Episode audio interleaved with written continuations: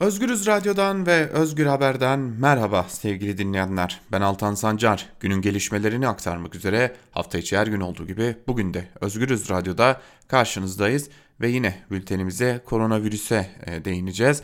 Ancak e, oraya geçmeden önce dün Cumhurbaşkanı Erdoğan'ın da açıkladığı bir kampanya başlatıldı. Bu kampanyaya dair e, önce Cumhurbaşkanı Erdoğan'ın açıklamalarını sizlerle paylaşalım. Ardından da bu konuya ilişkin bazı e, aslında düşünceleri ve e, bilimsel gerçekleri sizlerle paylaşacağız sevgili dinleyenler. Cumhurbaşkanı Erdoğan dün gerçekleştirilen kabine toplantısının ardından kameraların karşısına geçti, açıklamalarda bulundu dünyada 69 ülkenin Türkiye'den yardım istediğini ve bu ülkelerden bazılarına Türkiye'nin yardım gönderdiğini belirtti. Bu ülkeler arasında İtalya'nın da olduğunu dile getirdi. Yine İspanya'nın da olduğunu dile getirdi Cumhurbaşkanı Erdoğan ve yine bu açıklamalarının ardından da bir kampanya başlattıklarını duyurdu. E, neydi bu? E, mücadele için bir bağış e, başlatıldı. Neden başlatıldı? Cumhurbaşkanı Erdoğan'ın aktardıklarına göre dar gelirli ailelere aktarılacak ve Cumhurbaşkanı Erdoğan da bu kampanya için 7 maaşını yani 7 aylık maaşını bağışlamış oldu. Cumhurbaşkanı Erdoğan koronavirüs salgını gündemiyle gerçekleşen kabine toplantısının ardından yaptığı açıklamada Türkiye her hal ve şart altında üretime devam etmek, çarklarının dönmesini sağlamak zorunda olan bir ülkedir dedi. Erdoğan, yevmiye ile geçimini sürdüren kesimler başta olmak üzere alınan tedbirlerden dolayı mağdur olan dar gelirli vatandaşlara ilave destek sağlamak amacıyla biz Bize Yeteriz Türkiye adlı bir bağış kampanyası başlatıldığını duyurdu. Erdoğan 7 aylık maaşını bu kampanyaya bağışlayacağını duyurdu. Erdoğan'ın açıklamış olduğu bağış kampanyasına sosyal medyadan da tepkiler gelmeye başladı. EMEP Genel Başkanı Selma Gürkan ücretli iznin değişiklik yok. İşsizlik fonu gibi emekçilerin yarattığı kaynaklar sermayeye halkın ihtiyaçları yine halka havale. Yarattığımız kaynakları kemirenler olmasa biz bize yeteceğiz. Cumhurbaşkanı maaş alamadığında 82 milyon onu ve ailesini besliyor. Ücretsiz izinli işçi ne yapacak diyor. Selma Gürkan yine CHP İstanbul İl Başkanı Canan Kaftancıoğlu 83 milyonun yıllardır işsizlik fonu, vatandaşın vergileri, sosyal dayanışma fonuna verdiği paralar nasıl iç edildiyse artık şimdi de vatandaşına IBAN veren, IBAN'la da kalmayıp böylesi bir dönemde faizle borç veren bir anlayış. Sosyal devlet mi? O da ne? diyor Canan Kaftancıoğlu. Yine CHP milletvekili Tuncay Özkan diğer ülkeler vatandaşlarına destek olmak için para verirken bizimkiler vatandaşından para istiyor bizi virüs değil bu düzen öldürür dedi ve Cumhurbaşkanı Erdoğan'ın konuşmasındaki şu bölümü kendi Twitter hesabından paylaştı.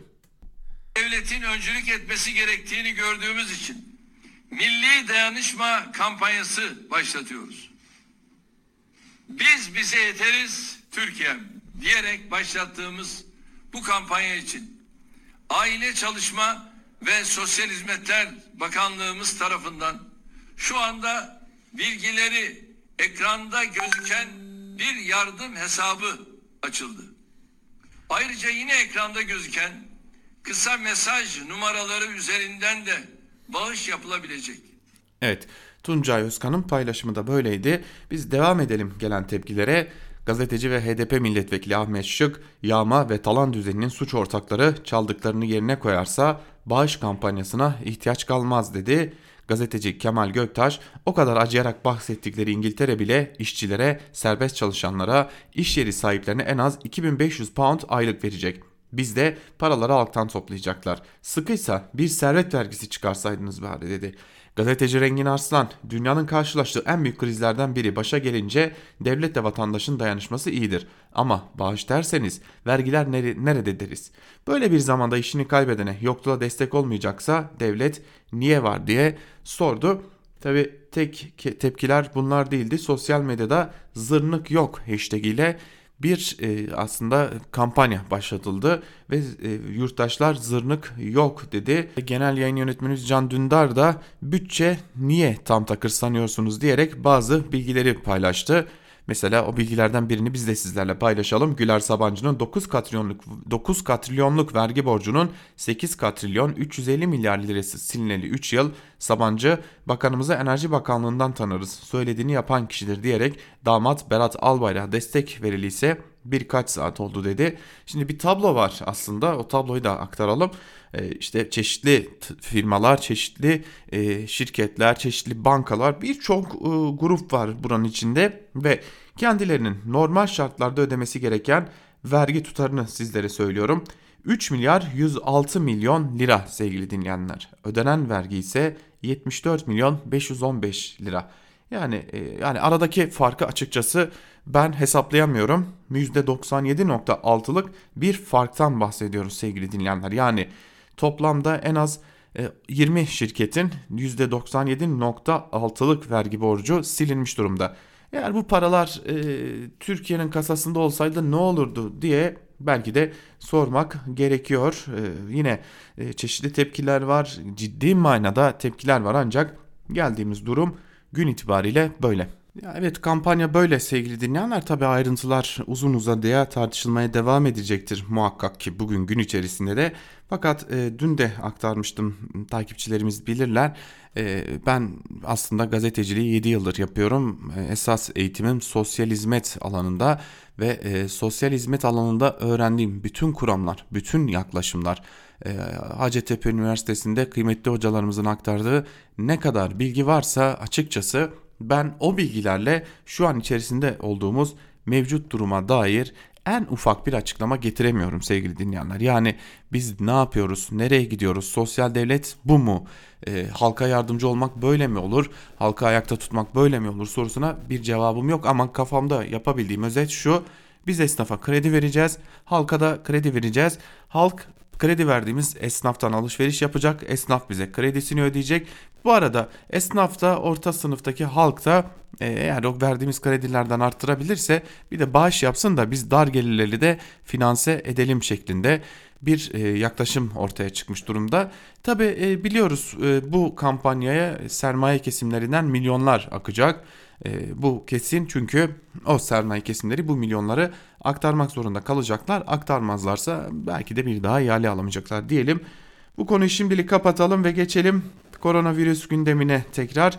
Tabi e, her koronavirüs gündemi birbiriyle bağlantılı ancak son rakamlar neler? En azından açıklanan son resmi rakamlar neler? Önce onu vereceğiz ardından da Türk Tabipleri Birliği'nin e, yaptığı bir açıklama var. E, il il neredeyse vakaları kendi bildiklerini açıklamaya başladı Türk Tabipleri Birliği ve, ve o son durumu sizlerle paylaşacağız ancak dün yine Sağlık Bakanı Fahrettin Koca bir açıklama yaptı ve açıklamasında dün gün içerisinde gerçekleştirilen test sayısının 11.535 olduğunu, vaka sayısının 1610 olduğunu ve vefat sayısının da 37 olduğunu açıkladı. Ve bu rakamlarla birlikte Türkiye'deki toplam test sayısı 76.981'e, toplam vaka sayısı 10.827'ye, toplam vefat sayısı 168'e, toplam yoğun bakımda yatan hasta sayısı 725'e entübe edilen hasta sayısı 523'e ve iyileşenlerin sayısı da 162'ye yükselmiş oldu. Evet resmi rakamlar böyle. Şimdi bir de Türk Tabipler Birliği'nden gelen açıklamalar var. Türk Tabipler Birliği sanırım artık yeter dedi ve baktı ki herhangi bir kurula dahil olmuyor. Herhangi bir şeffaflık yok ve kendi verilerini açıklamaya başladı. Bazı illerin verilerini paylaştı. O verilerden bazılarını bizler de sizlerle paylaşalım. Türk Tabipler Türk Tabipleri Birliği İstanbul Tabip Odası'nın koronavirüsün kentteki durumuna ilişkin hazırladığı rapordan hareketle Sağlık çalışanları için malzeme eksikliğinin yalnızca tablonun görünen yüzü olduğu asıl sorununun organizasyon eksikliği olduğu kaydedildi. Öte yandan İstanbul'da 30 Mart itibariyle kamu hastanelerinde kesin veya şüpheli Covid-19 tanısıyla yatırılarak izlenen tedavi edilen hasta sayısının 2000'in üzerinde olduğu kaydedildi. İzmir Tabip Odası'ndan hazırlanan raporda ise Son iki haftada İzmir genelinde kamu hastanelerinde PCR testi pozitif veya klinik olarak şüpheli pozitif vakalar dahil hasta sayısı 700'ün civarındadır denildi. Ayrıca virüsten etkilenen hekim, hemşire ve sağlık çalışanı sayısının da yaklaşık 75 olduğu kaydedildi raporda. Urfa'da ise kamu hastanelerinde servis ve yoğun bakımlarda 70'e yakın şüpheli hastanın takip edildiği 6 pozitif hastanın izlendiği kaydedildi. Önemli bir diğer şehir olan Diyarbakır'da ise yaklaşık 150 hastanın Covid-19 teşhisi veya şüphesiyle hastanelere yatış yaptığı 6 yoğun bakım hastasının olduğu kaydedilirken Diyarbakır'da bugüne kadar Covid-19 yani koronavirüs nedeniyle 5 kişinin de hayatını kaybettiği açıklandı. Yine önemli bir büyük şehir olan Adana. Adana'da yaklaşık 550 hastanın koronavirüs teşhisi veya şüphesiyle yatış yaptığı 63 yoğun bakım hastasından 15'inin entübe yani solunum cihazına bağlı hasta olduğu belirtildi. Hastalardan ikisinin taburcu olduğu 4 Ekim ve 12 sağlık çalışanının koronavirüs şüphesiyle takip edildiği de kaydedildi. Evet, Türk Tabipleri Birliği'nin de son açıklamaları böyleydi değerli dinleyenler.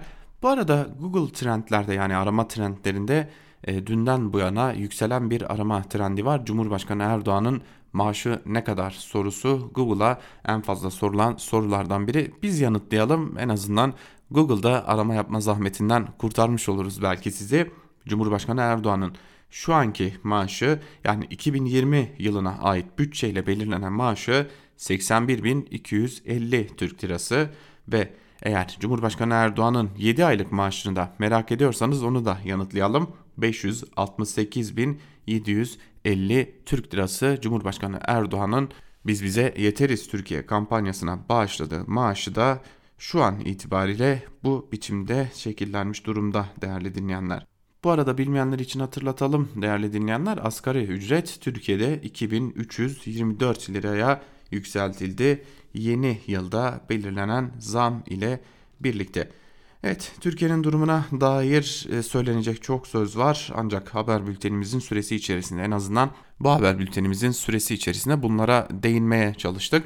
Şimdi dünyanın durumunu da aktarmak gerekiyor. E, dünyada da e, iç acıcı bir durum yok açıkçası. İlk olarak İngiltere'ye gidelim. İngiltere'deki ölü sayısı da yükselmeye devam ediyor.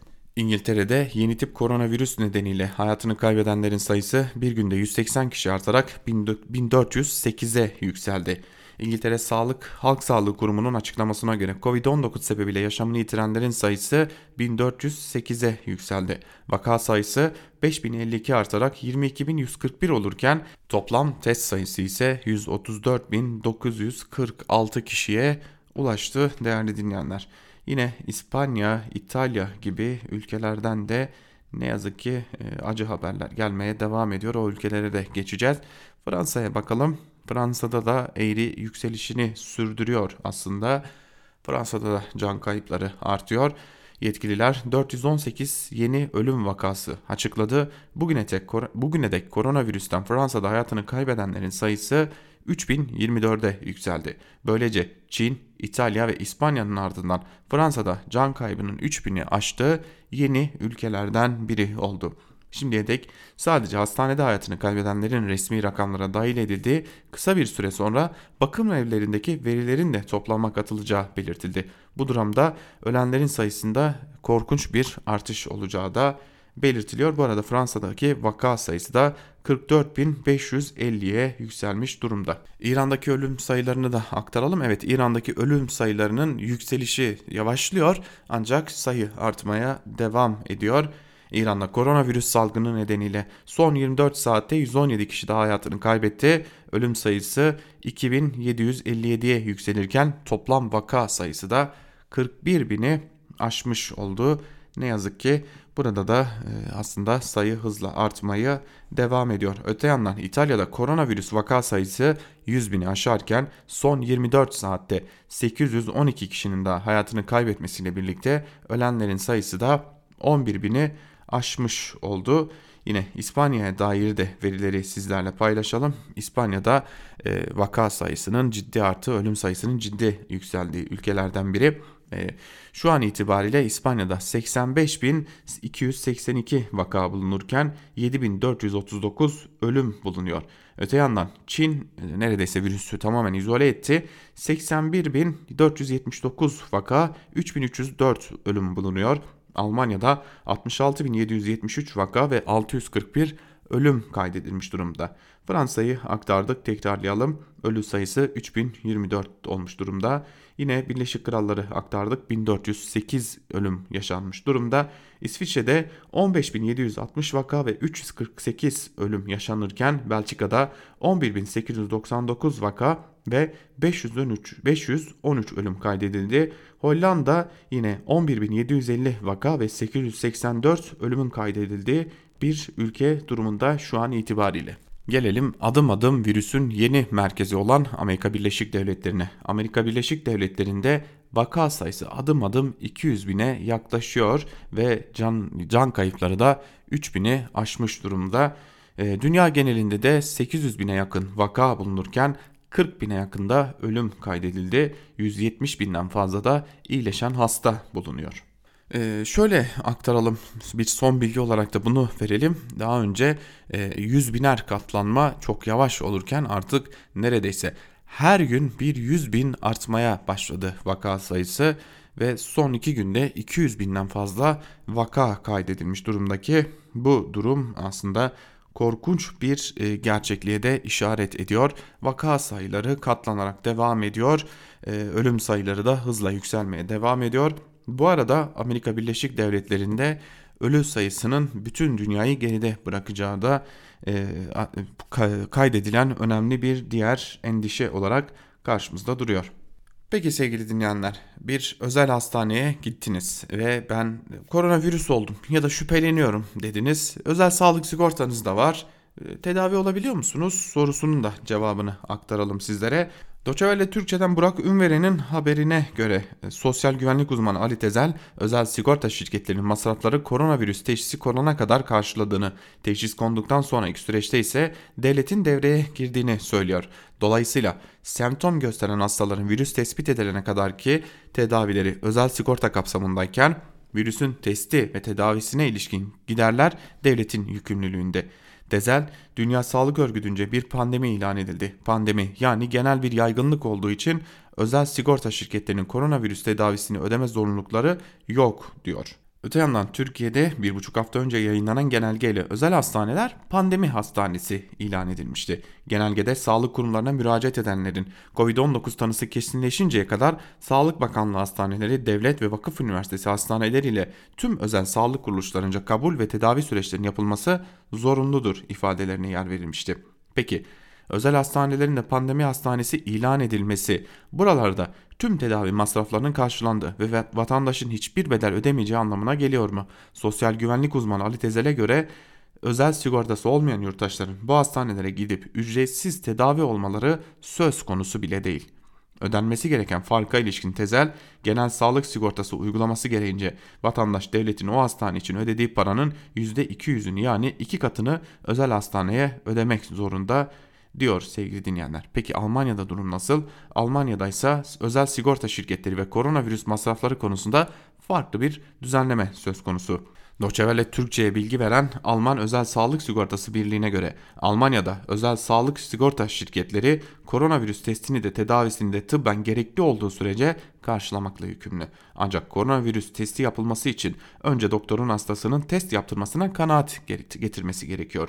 Bu durum tıbben gerekli teşhis olarak değerlendirildiği için test, tedavi hizmeti ve kullanılan tıbbi araç gereç bedeli sigorta kapsamına giriyor. Tabi Türkiye'de sigorta şirketleri dilediğine göre hareket ettikleri için bu sadece sağlık için değil bütün bir sigorta şirketleri her alanı kapsayan sigorta şirketleri dilediği için dilediğine göre hareket ettikleri için de ne sağlık ne kaza ne deprem ne afet kimsenin umurunda olmuyor. Şimdi geçelim bir diğer haberimize sevgili dinleyenler. Koronavirüs günlerinde işe gidenler aslında e, bazı açıklamalarda bulunmuşlar BBC Türkçe'ye. Bizler burada bültenimizi tamamlayalım ve o açıklamalardan kısa bir bölümü siz değerli dinleyicilerimizle paylaşalım. Zira o açıklamaların gerçekten önemli olduğunu bizler de düşünüyoruz. Bu arada haberi hazırlayan arkadaşımızın emeği gereği de BBC Türkçe'den Neyran Elden adlı arkadaşımızın haberi bu. Çok önemli bir haber. Orada çalışanların ve e, emekçilerin söylediği cümlelerle bültenimizi tamamlayalım. Tekrar görüşmek dileğiyle. Geçim derdi şu an yani virüs derdiyle eşdeğer diyebilirim. Herkes kendi olağanüstü halini ilan edebilir. Gönüllü karantina şartlarına harfiyen riayet etmeliyiz. Kira ödemek gibi bir yükümlülüğü olan insanlar kendi o hallerini ilan edemezler. Kendi o halinizi ilan etmeniz için bir miktar e, birikmişiniz, bir miktar paranız olması gerekir. Yani mecbur çalışmak zorundayız. Yani evde kalarak, oturarak kimse bize gelip para vermez. Reyon elemanı, çalışanlar. önlem alırsa, müşteri yoğunluğu dip dibe girerse önlemin ne anlamı kalır ki? O yüzden İş Sağlığı ve İş Güvenliği'nin hem müşteriyi hem de çalışanı ortaklaştırdığı bir Güvenlik Tetkik Kurulu hazırlaması gerekiyor ve bir e, plana, çalışma planına hayata geçirmesi gerekiyor. En önemli mesele budur. derdi şu an yani virüs derdiyle eşdeğer diyebilirim. Yani tabii sağlık her şeyin önünde gelir ama yani bu durumda biz biz de işsiz kalacağız diye tedirginlik oluyor içimizde. Ee, o yüzden şu an çalışmamız bizim için daha iyi ve kapatmaması için de elimden gelen her duayı yapıyorum yani öyle diyeyim. Benimle çalışıyorum çünkü çalışmak zorunda olduğum için çalışıyorum. Yani e, devlet dese ki sokağa çıkma yasağı var, evde kalın, çıkmayın dese mecbur çıkmayacağız ama bizim de kendimize göre ihtiyaçlarımız var. Yani evliyim, çocuğum var. Yani mecbur çalışmak zorundayız. Yani evde kalarak, oturarak kimse bize gelip para vermez. Kira ödemek gibi bir yükümlülüğü olan insanlar kendi o hallerini ilan edemezler. Kendi o halinizi ilan etmeniz için bireysel alıp o halini ilan edebilir misiniz? Böyle bir çağrı da var ortada şu anda dolaşan. Ee, iyi niyetle yapıyordur ona bir şey söyleyemem. Ama kendi o halinizi ilan etmeniz için bir miktar e, birikmişiniz, bir miktar paranız olması gerekir. Hangi emekçinin bu enflasyon değerlerinin olduğu bir ülkede birikmişi parası var? Hangi işçi ay sonunu kira ödeme korkusu yaşamadan geçiriyor? Hangi işçinin çocuğunun üstüne alacağı kıyafeti düşünmediği bir Türkiye'de yaşıyoruz?